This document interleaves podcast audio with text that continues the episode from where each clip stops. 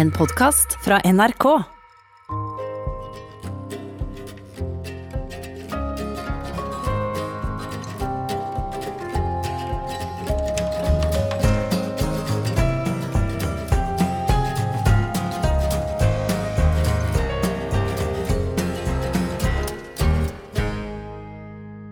Jeg er vokst opp i en søskenflokk på tre.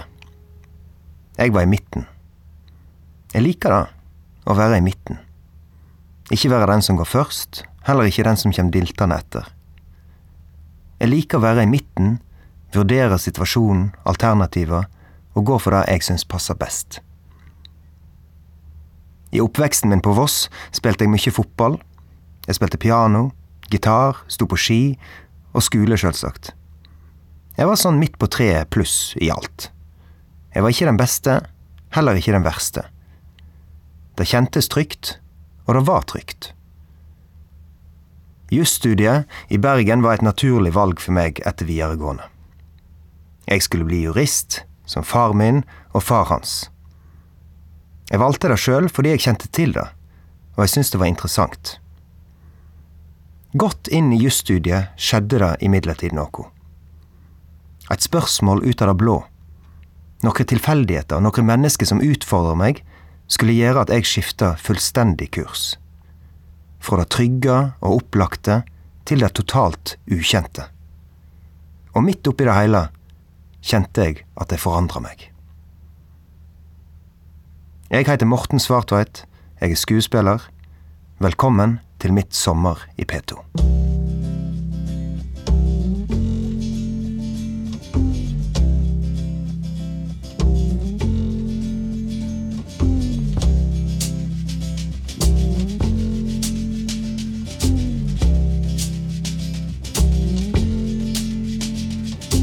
Holly came from Miami, FLA. Hitchhiked away across USA. Plucked her eyebrows on the way, shaved her legs, and then he was a she. She says, Hey, babe, take a walk on the wild side. Said, Hey, honey, take a walk on the wild side. Jeg er på Voss. Ei bygd akkurat passe stor, med nok av aktiviteter til å fylle en hel oppvekst. Jeg kan ikke huske at jeg følte jeg mangla noe når jeg vokste opp. Om vinteren var det fjella og skiheisene, langrenn, slalåm, brettkjøring. Om sommeren var det bading, fotball og sykling. Voss hadde masse idrettsaktiviteter og et rikt musikkmiljø, med rockeklubb, folkemusikk og ikke minst Vossajazz i spissen. Men ingen teater. Jeg savner det derfor heller ikke. Utenfor Kjappen, den lokale hamburgersjappa på Voss, husker jeg at det var en byste av en person ingen av oss ungdommene ante hvem var. Uttrykket var seriøst, nøytralt, ikke ulikt andre byster som står rundt omkring.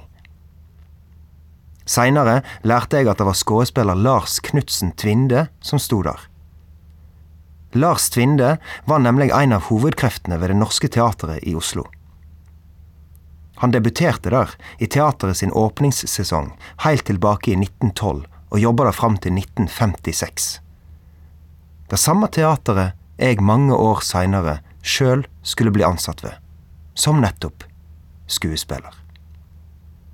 Men som sagt, teater var liksom ikke noe stor del av oppveksten på Voss. Mor mi var lærer og far min advokat. Å være nysgjerrig og det å se ei sak fra flere sider har naturlig blitt innprenta i oss ungene fra starten av. Jeg kunne komme hjem fra skolen, sitte ved middagsbordet og fortelle om en helt urimelig lærer som hadde kjefta, og hvor urettferdig jeg hadde blitt behandla. Og før middagen var ferdig, endte opp med å forstå læreren like mye som jeg forsto meg sjøl. Vi diskuterte og utveksla meninger, snudde og vendte på problemstillinger. Som barn syntes jeg det var noe problematisk at far min skulle hjelpe tyver og folk som hadde blitt tatt av politiet. Etter hvert som jeg skjønte mer av det, ga det selvsagt også mer og mer mening. Jeg blei fascinert av yrket. Høre på far min fortelle om ulike saker, og hjelpe folk som hadde havna i vanskeligheter. Det var jo en grunn til at de hadde gjort det de hadde gjort. rettferdighet og ikke minst rammeverket rundt det hele. At det gikk an å leite seg fram til svar, snu på det, se det fra en annen vinkel og komme til en annen konklusjon enn en kanskje først hadde antatt, fascinerte meg. Så jeg blei jusstudent i Bergen, og jeg likte det. Jusstudiet tar for seg alt som omslutter oss. Alt fra naturen vi lever i, til de daglige gjøremålene våre. Det gjennomsyrer alt. Familieforhold, arbeidsforhold, hva retter barna våre har, hvordan Norge er bygd opp, med kystlinje til vest og landegrenser i nord, sør og øst. Vi er borte i jussen nesten i alt vi gjør. Da jeg skulle begynne på studiet, flytta vi sammen, tre kamerater i kollektiv. Haldor, Atle og jeg. På Ikea fant vi alt vi trengte. Vi bodde praktisk talt i en Ikea-katalog. Rammemadrasser, kleshengere, startpakke både én og to til kjøkkenet, og ikke minst en stor, hvit sofa.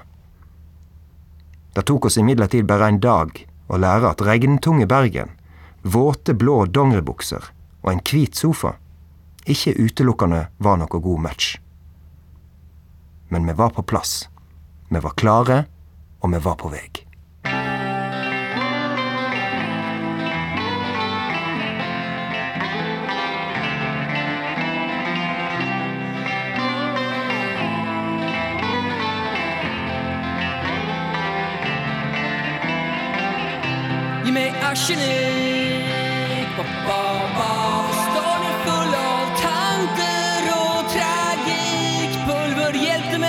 Verkligen. Skriv det her i.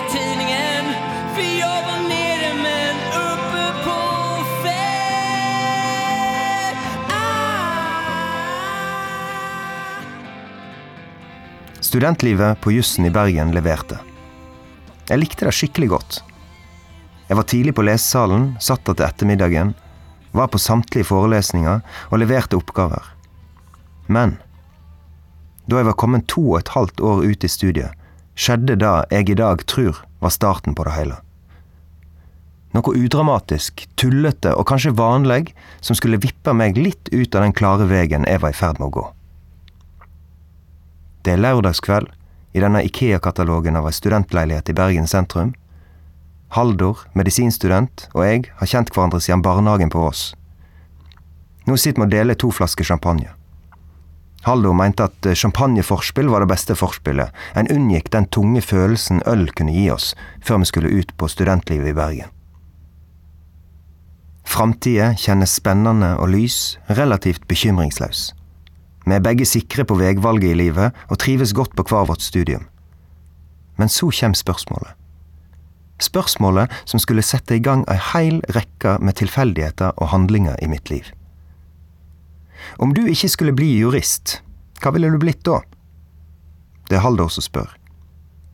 Det er et uskyldig lite spørsmål.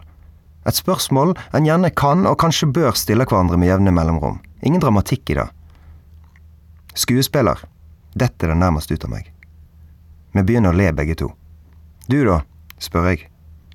Keeper i Eliteserien i fotball, sier Haldor. Vi ler enda mer. Det vi ikke veit der vi sitter, er at Haldor ett år seinere reiser rundt og spiller eliteseriekamper med Sogndal. Og jeg har begynt skuespillerutdanninga mi i Oslo. Det må sies at Haldor etter hvert returnerte til medisinstudiet sitt. Men alt dette veit vi ikke noe om ennå. Og disse alternative yrkesønskene blir noe vi ler mer av sammen med andre når vi forteller om det. For hvor kom det fra? Og ut av hva? Et par uker seinere, en fredags ettermiddag. Jeg har gått ifra lesesalen på jussen og går forbi Kaffe Opera og Den nasjonale scene i Bergen når det ringer i mobilen. Jeg prøver så diskré som mulig å ta den. Jeg er jo midt på gata. Det var slik da. En måtte jo ha mobil, men det var fremdeles litt flaut å gå ute blant folk og faktisk prate i telefonen. Den som ringte, var ei venninne av meg. Hun forteller at hun har lest i studentavisa at det er en statistaudition på Den nasjonale scene i dag klokka fem. Hun tenkte hun bare skulle gi en lyd, siden jeg sjøl hadde nevnt det. Vi ler litt av det, og avtaler tidspunkt for en vennemiddag vi skulle ha en heil gjeng samme kveld.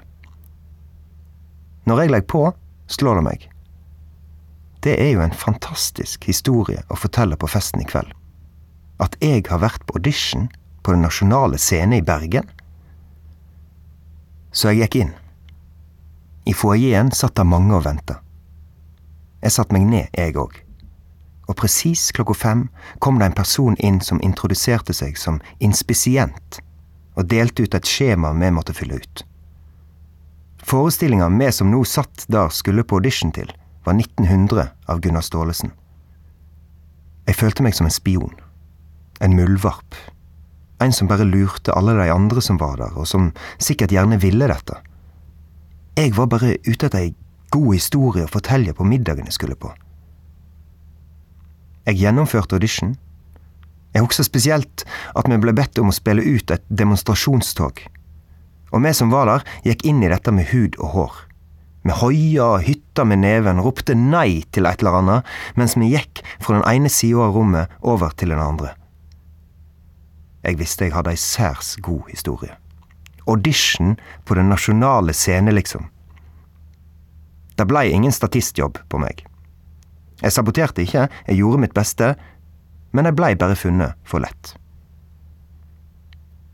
Seinere fortalte jeg alt dette til en annen venn, og kanskje blei hun provosert av min noe tullete tone til skuespilleryrket. Hun hadde sjøl erfaring fra teaterbransjen og gått på Bordarakademiet i Oslo. Jeg husker hun sa ja, om du har lyst til noe slikt, så må du søke en teaterskole. Litt flaut er det å si dette i dag, men på dette tidspunktet hadde jeg aldri tenkt at det fantes noe teaterskole. Jeg hadde ikke tenkt at det ikke fantes heller. Det var bare så langt ifra meg, vennene mine og det vi snakka om og var opptatt av. Men av en eller annen grunn svarte jeg at jo, det kan jeg vel. Så jeg flaug til Oslo, til Bordar, knota meg gjennom en sang- og danseaudition og framførte en tekst jeg hadde fått tilsendt og lært utenat. Et par dager etter ringer telefonen. Det var rektor. Jeg var velkommen på musikallinja deres til høsten. Jeg hadde kommet inn. Ja vel? Men hva nå? Skulle jeg bare kutte alt og prøve noe helt nytt? Noe jeg ikke visste noen ting om? Hva var konsekvensene her? Hva skjedde når jeg kom tilbake til jussen? For det var jo det jeg ville. Fullføre jussen. Bli jurist.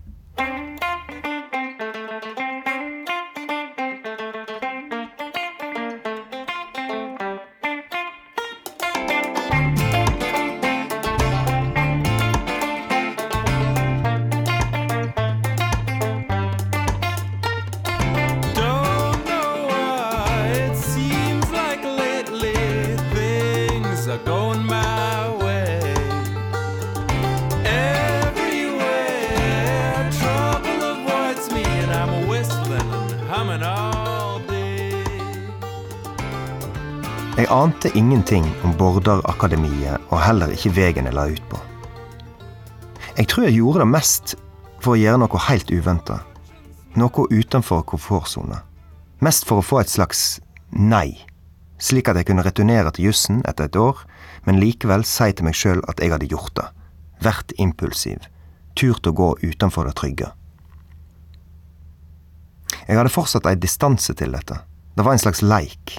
Jeg, jeg gjorde på ingen måte narr av noe, jeg var bare nysgjerrig på noe jeg ikke kjente til, og som jeg nå hadde fått sjansen til å bli litt kjent med. Og det var moro. Klasser i jazzdans, klassisk ballett og stepping. Jeg. Og stretchtimer hver fredag. Det var jo god trening, jeg gikk ned ti kilo på et halvt år, men samtidig helt absurd. Jeg kjøpte min første tights.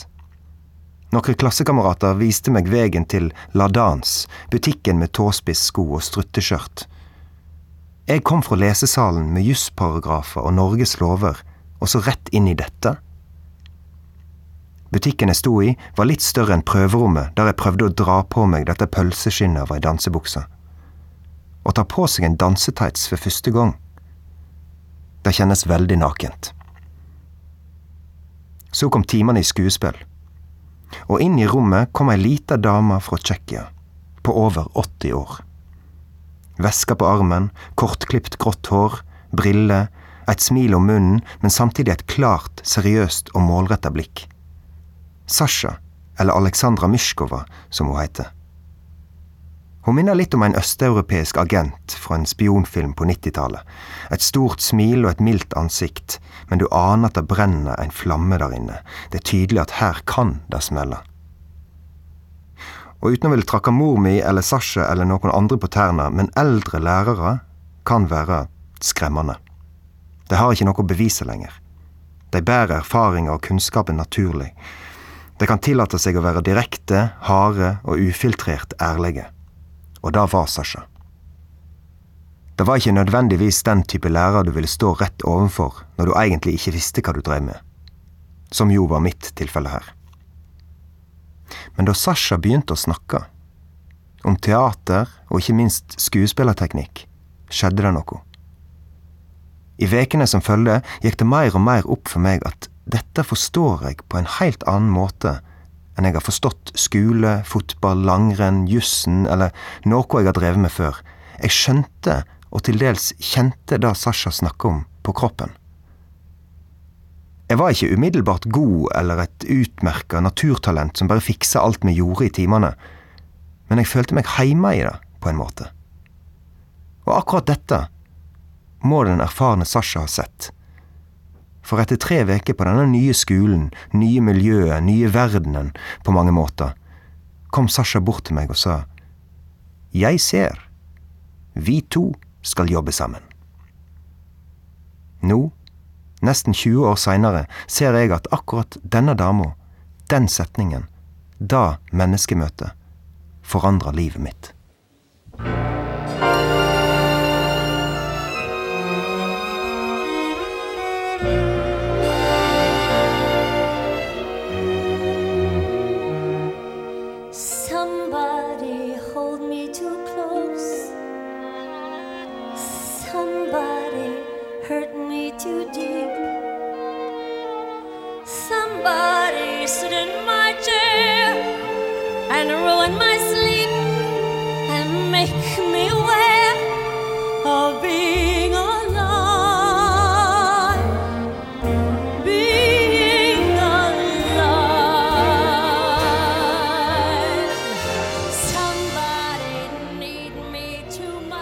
Skuespill. Skuespillerteknikk. Jeg kan ikke beskrive det på noen annen måte enn at jeg opplevde en enorm forelskelse. Jeg blei på en måte besatt. Det var en hel verden der ute jeg hadde gått glipp av. Jeg begynte å se alle forestillinger som gikk på teaterne i Oslo. Jeg så de samme forestillingene to og tre ganger. Jeg las bøker om skuespillerteknikk, hørte på album fra musikaler, leste skuespill og jobba med monologer. Jeg søkte flere teaterskoler, både i Norge, England, Sverige, Danmark. Nå ville jeg utdanne meg spesifikt innen skuespill. Jeg forsto kjapt at jeg ikke skulle tilbake til jussen igjen etter ett år. Jeg fortsatte heller enda et år i Oslo. Og etter to måneder inn i det andre året begynte jeg å få dobbel hjerterytme. Jeg hadde hatt det sånn ei lita stund, på og av, men tenkte egentlig ikke noe videre over det. Og en kveld jeg satt på hybelen min over Collets kafé i Oslo. En sju kvadratmeters hybel, med innebygd ei tjueseng, et lite hybelkjøkken, et klappbord, to stoler, bokhylle og et skap plassert oppå en kommode, alt inne på sju kvadrat. Hybelen kalte meg for Kvadraten. Det var nesten så lite at tok jeg av meg genseren, så ble det rotete. Jeg satt der en kveld, da jeg plutselig kjente at kroppen min begynte å vokse. Jeg blei større og større. Inne på den lille hybelen var det som om jeg este ut. Jeg kan ikke huske at jeg ble redd, mer fascinert av det hele. Og akkurat idet jeg var ferd med å stange borti taket, og knærne og skuldrene mine ville treffe veggene, brøt jeg det. Tente en sigarett, og alt var tilbake til normalen. Men hjertet hamra løs fremdeles. Gikk i dobbel fart. Og nå ble jeg redd. Jeg la meg, fikk etter hvert sove og våkna om morgenen i samme tilstand. Hjertet gikk i dobbel fart. Jeg gikk på skolen og bestemte meg for å oppsøke lege seinere på dagen dersom dette fortsatte. Når jeg da på ettermiddagen kom til legen, ble jeg sjekka for alt mulig. Pust, lunge, hjerte, alt blei målt og ingenting funnet. Etter en lengre prat der legen hørte meg fortelle om hvordan jeg hadde det, og om det siste året i livet mitt, slo hun fast at jeg nok hadde kjørt for hardt på, og var i ferd med å gå på en smell. Jeg burde roe kraftig ned ei tid. Så jeg roa ned. I alle fall så mye jeg klarte, og bestemte meg samtidig for at skulle jeg gå denne veien, skulle jeg aldri ha en plan B. Aldri ha noe å falle tilbake på, for da ville jeg nok gjøre det. Jeg måtte satse alt. I ettertid tror jeg imidlertid ikke at det var helt så enkelt at jeg holdt på å gå på en smell. Jeg var i forandring. Jeg som person, med kroppen som instrument, som en gjerne sier, med både fysikk og følelsesregister, jeg var i ferd med å åpne meg.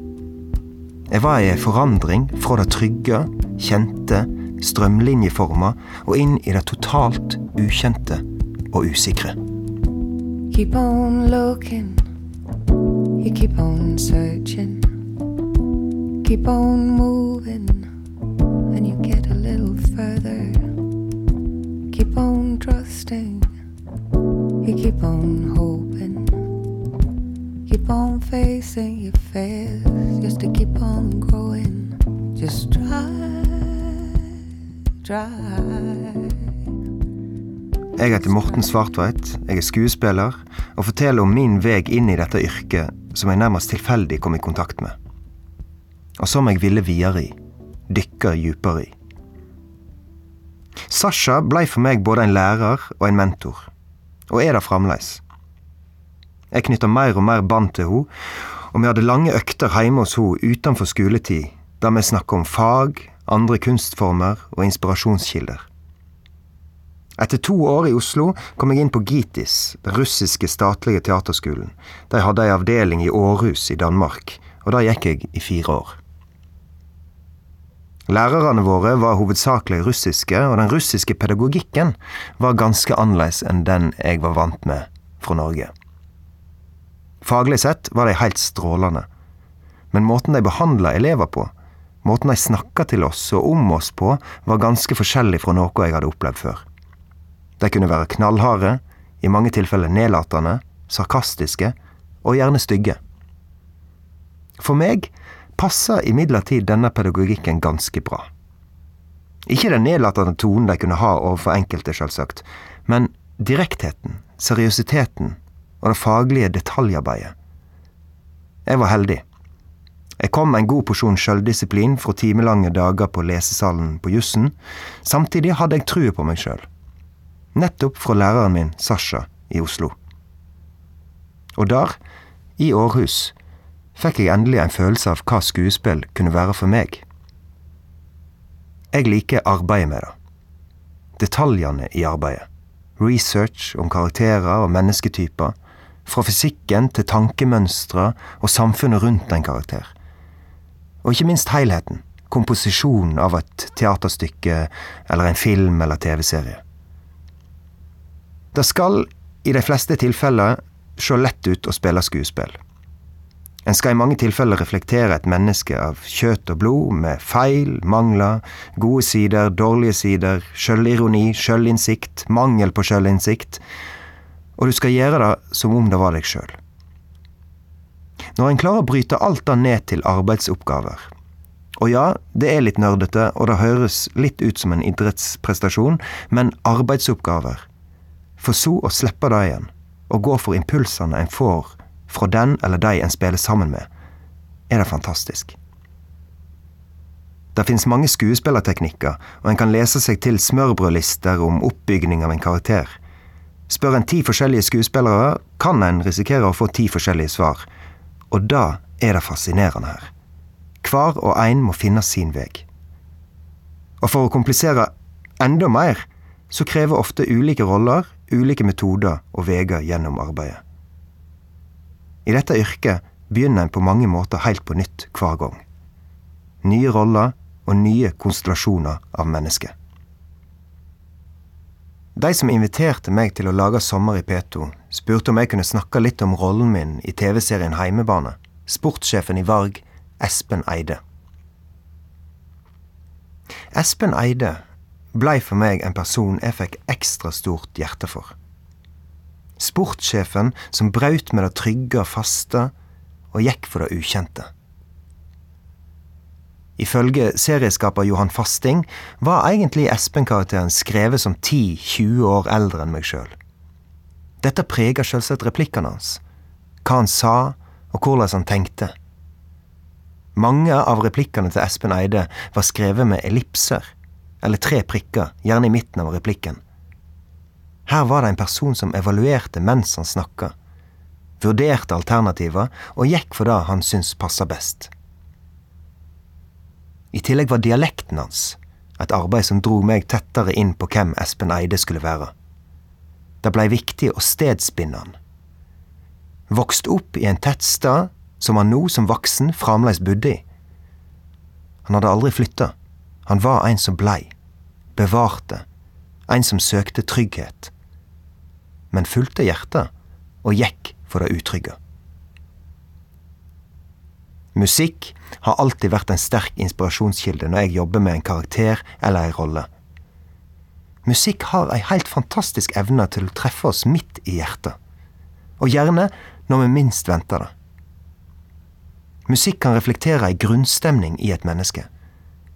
Alle karakterene jeg spiller, har derfor sin egen låt som de etter min mening hører på. Og som i det virkelige liv blir det ikke alltid akkurat den låten som en kanskje i utgangspunktet hadde forventa. Så hva er det denne evaluerende, trygghetssøkende, rettskaffende Espen Eide hører på?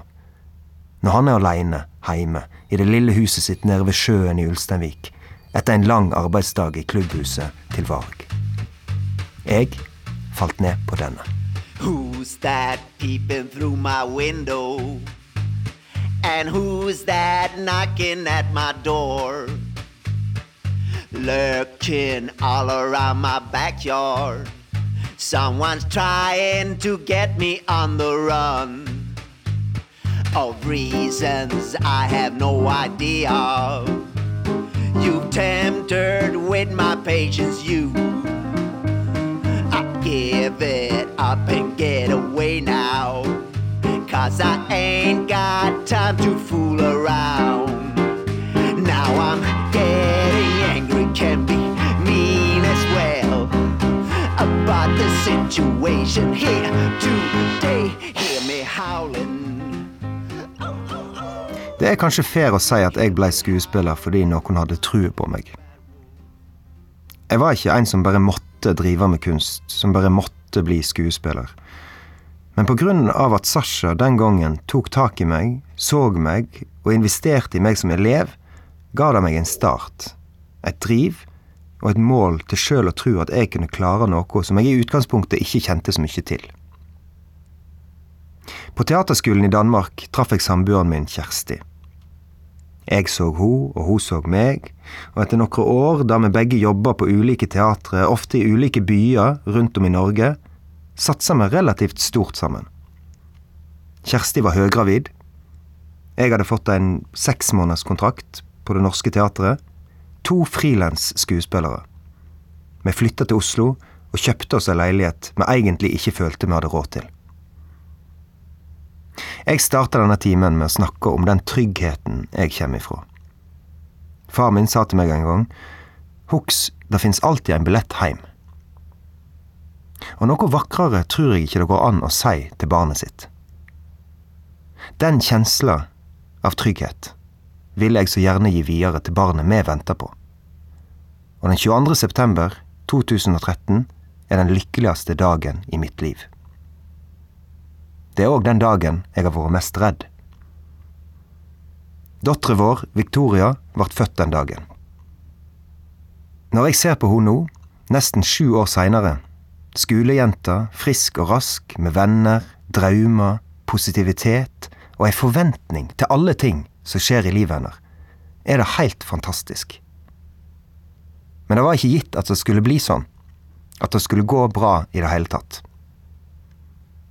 Halvannen måned før termin merka Kjersti at noe var gale. Og undersøkingene viste at det kunne være noe med lungene til barnet. Jenta kunne bli helt frisk, hun kunne ha en eller annen form for alvorlig sykdom, eller det siste, og det vi selvsagt frykta over alt på jord. Hun kunne dø med det samme hun ble født. Det kjentes som å få valget mellom å leve og dø sjøl. Nokre dager med stor usikkerhet og bekymring fulgte før Victoria endelig ble født, og hun pusta.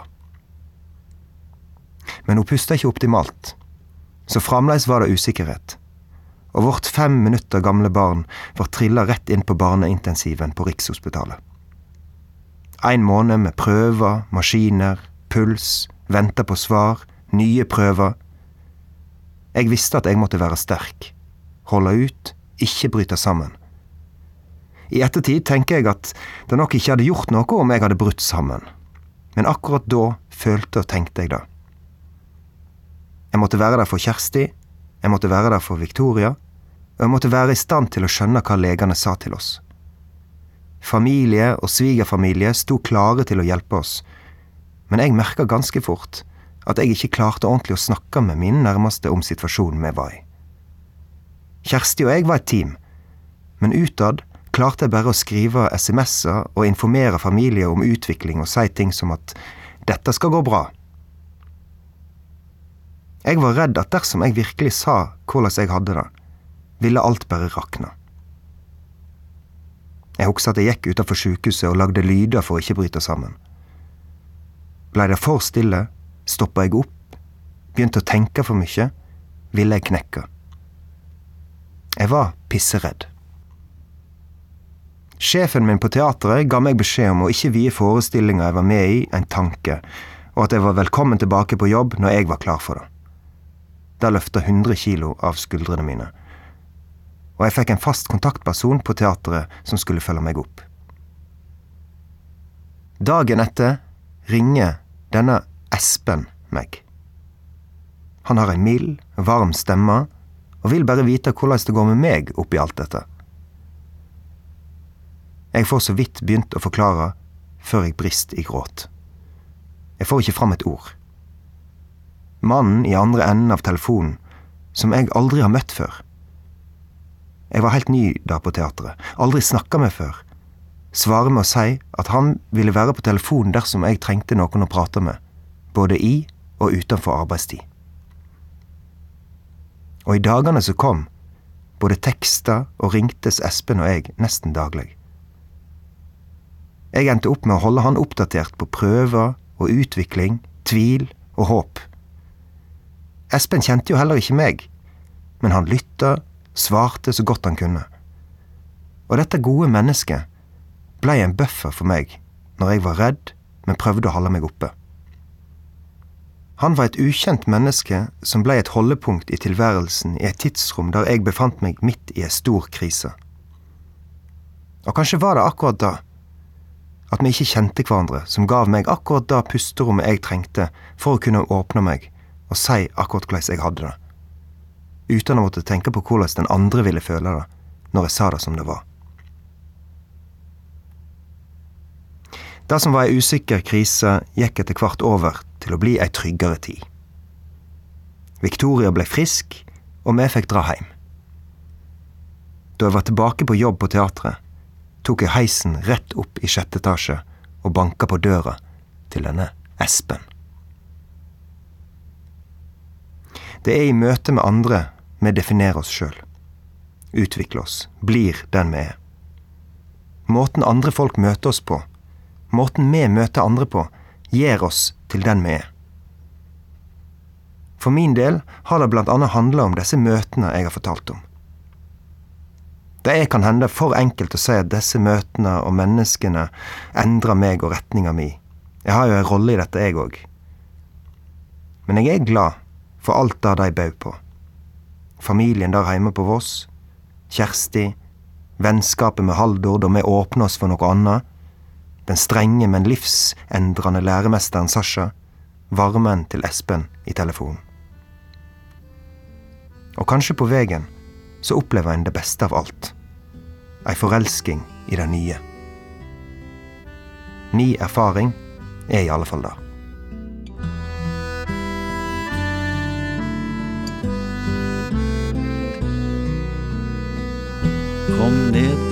En gang du har tid.